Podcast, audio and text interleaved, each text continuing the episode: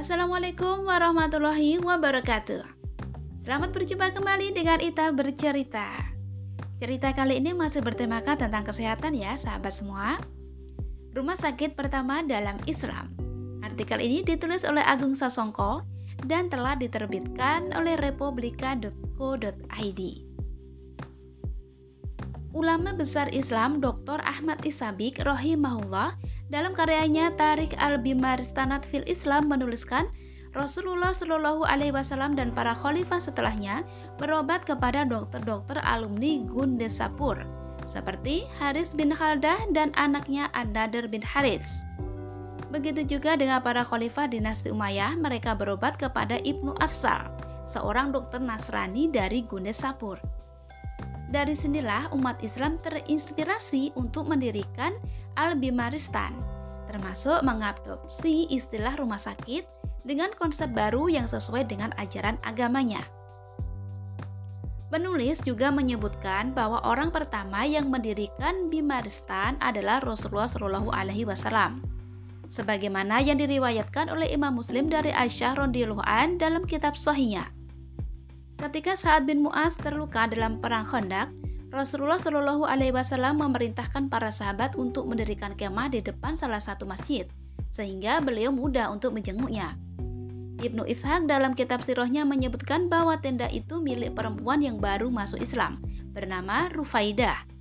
Dalam praktiknya, Bimaristan saat itu bukan hanya berfungsi sebagai rumah sakit, akan tetapi juga sebagai laboratorium penelitian dan sekolah kedokteran yang melahirkan dokter-dokter Islam. Bahkan saat itu, penulis menyatakan beberapa sekolah kedokteran telah mampu melahirkan para ahli bedah dan ahli bius.